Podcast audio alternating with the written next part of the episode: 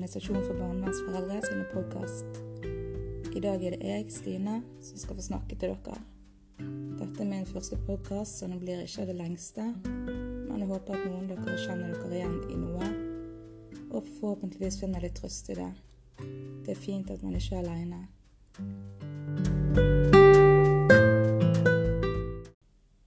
Det er fem og et halvt år siden datteren min flyttet i fosterhjem og innimellom føles det som om det bare blir vanskeligere og vanskeligere for hvert år. Tyngre å bære, vanskeligere å håndtere. Jeg har gått i terapi, jeg har deltatt på kurs, jeg har snakket med andre i samme situasjon. Jeg har engasjert meg i et positivt miljø, jeg har gjennomført hverdagen sånn cirka som man er ment å gjennomføres. Jeg har etter hvert fått et godt, eller greit, forhold til barnevernet, og jeg har et super forhold til fosterhjemmet og til datteren min. Alt dette er positive og gode ting. Likevel så føler jeg at jeg aldri kommer videre i prosessen. Prosessen for å bli hel. For å akseptere at situasjonen er som den er. Komme videre. Jeg har en slags forestilling om at jeg burde komme videre. For det er jo det man gjør, ikke sant? Man møter en krise, opplever et traume, og etter en tid så skal man liksom gå videre. Noen av foreldrene jeg har snakket med gjennom tiden min i OBF, har sagt det samme. At det føles som om det nesten hadde vært lettere om barna hadde vært døde. For det hadde vært endelig. Det er konkret, endelig og forståelig for de fleste. Både venner, familie, kollegaer og hjelpeapparatet har kunnskap om sorg tilknyttet død. Men det er ganske få som har kunnskap om sorgen det å miste et barn til en annen. Det er en ganske absurd ting å si. Provoserende og sikkert uforståelig. Og det er selvsagt ingen som tenker det, som faktisk kunne ønske det. Vi må forstå det som et uttrykk for hvor usannsynlig vondt man har det, hvor knust man er. Hvor ekstremt inngripende det er å miste et barn til en annen. Jeg synes det er utrolig tøft gjort å si disse ordene. Jeg er takknemlig for at noen tør å si dem jeg tar det som en enorm tillitserklæring når det blir sagt til meg som støtteperson, og syns det er utrolig sterkt. Å tørre å innrømme hvor dyptgående og inderlig denne smerten er, viser stor styrke. Å bli foreldre er så grunnleggende.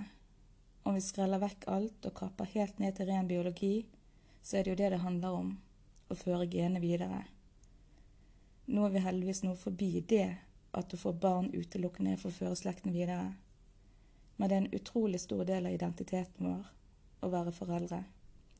Og dette skal man jo klare. Mennesker har ført slekten videre i flere hundre tusen år, og plutselig er du en av de som ikke fikser det. Eller noen mener at du ikke fikser det. Klart det er traumatiserende. Klart det aktiviserer alt vi har av følelser. Og klart det er ulidelig opprivende og smertefullt. Da jeg begynte tankeprosessen rundt denne podkasten, var utgangspunktet mitt ordet knust. Å være knust er jo en litt følelsesmessig klisjé. Jeg er veldig glad i metaforer, og flere ganger betegnet meg som en vase. For da jeg tapte i fylkesnemnda, så gikk jeg i tusen knas. Eller jeg blei knust. De plukket meg opp og måkte meg ned i gulvet med full kraft. Og resultatet ble ikke fem, seks, syv store skår. Vi snakker pulverisering. Og nesten rett etterpå så ber de deg ta form igjen. Du skal samarbeide, forberede, være til stede, raus og inkluderende. Og det er mye å kreve når du er i tusen biter. Utad overfor de rundt meg har jeg klart mye av dette. Innad, følelsesmessig, har jeg ikke klart det. Det vil si, jeg har nok limt meg sammen til en slags form igjen, noe som kan minne om en vase i alle fall om du ser meg på litt avstand. Men om du kommer nært nok, så vil du nok se at jeg har mistet min opprinnelige form. Jeg kan ikke bruke som det var tenkt til lenger. Jeg må finne et nytt bruksområde, eller akseptere min nye form. Og så langt har jeg ikke klart noen av delene, egentlig, føler jeg. Nå skal jeg passe meg litt for å høres dypt deprimert og plaget ut, for jeg er ikke det. Men jeg tror det er viktig å forstå og anerkjenne at det rett og slett er jævlig. Uansett om man anser plasseringen som nødvendig eller ikke. At sorgen og tapsfølelsen er ekte, og ikke minst lov til å føle på. Og det er ikke bare vi sjøl som må anerkjenne det, men også de rundt oss, samfunnet og hjelpeapparatet. Jeg syns egentlig ikke de er så gode på det. Sånn som det er i dag, så finnes det ikke noe godt og reelt hjelpetilbud for oss foreldre fra det offentlige. Det er barnevernet som har oppfølgingsansvaret, men det nytter ikke når hjelpeapparatet også er trussel. Det er fryktelig mye å bære for et menneske alene, og vi bærer det forskjellig, og det må være lov. Det finnes ingen fasit, fordi hver historie og hvert menneske er unikt. Jeg syns fremdeles samværen er vanskelig. Selv om vi ses annenhver måned og over flere dager, så syns jeg det er vanskelig. Jeg tror det er alle de tingene det stedet representerer, alltid minner meg på. Jeg elsker jo selvsagt å være med henne, og jeg verdsetter alle rundt henne. Det er ingenting jeg heller vil enn å være med henne. Det eneste jeg ønsker, er jo å ha vårt gamle liv tilbake. Derfor er det utrolig frustrerende og slitsomt, og egentlig ganske skamfullt, at kroppen min roper høylytt og går i alarmberedskap hver gang et samvær nærmer seg. Fem og et halvt år har gått, og knapt ett og et halvt år gjenstår. Og jeg er så sliten. Jeg føler meg så ferdig. Det er kanskje ikke med meg fremst i bevisstheten min hver dag, i alt jeg gjør, men ligger der som store, tunge steiner i ryggsekken min. Selv om jeg er privilegert med mye samvær og supre fosterforeldre i et greit forhold til barnevernet, så er det fremdeles, så er det fremdeles et tvangsforhold. Det er noen, noen andre som bestemmer når vi kan se barna våre, og hvor mye.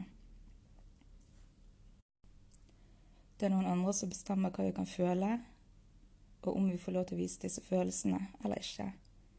Noen opplever at andre bestemmer hva vi kan si. Noen har kanskje en tilsynsperson til stede som følger nøye med. Vær kjærlig, men ikke klengete.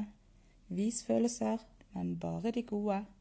Vær sensitiv, vær forståelsesfull, rom barnet, vær raus i situasjonen. Se, si, valider, støtt. Nå.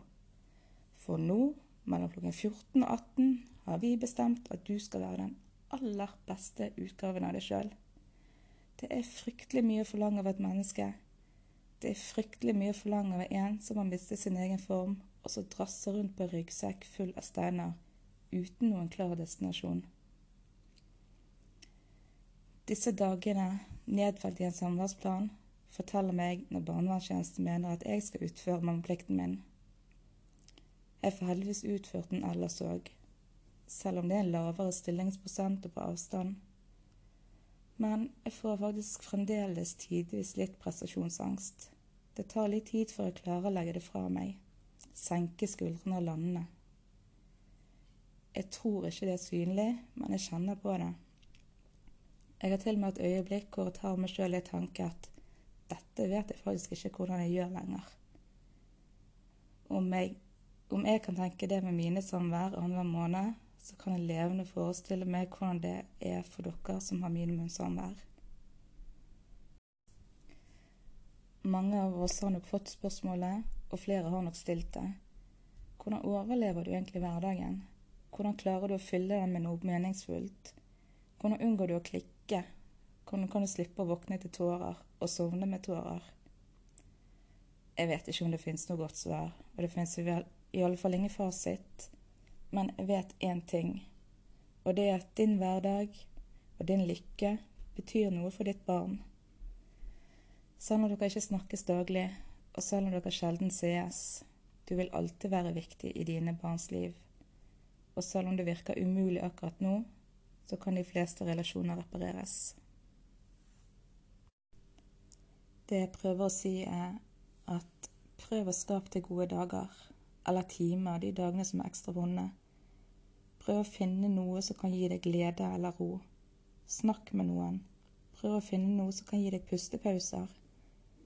Det krever styrke og utholdenhet å bære den ryggsekken, men du kan klare det. Og de dagene du ikke klarer det, så fins det noen der ute som kan bære den litt med deg. Du er ikke aleine.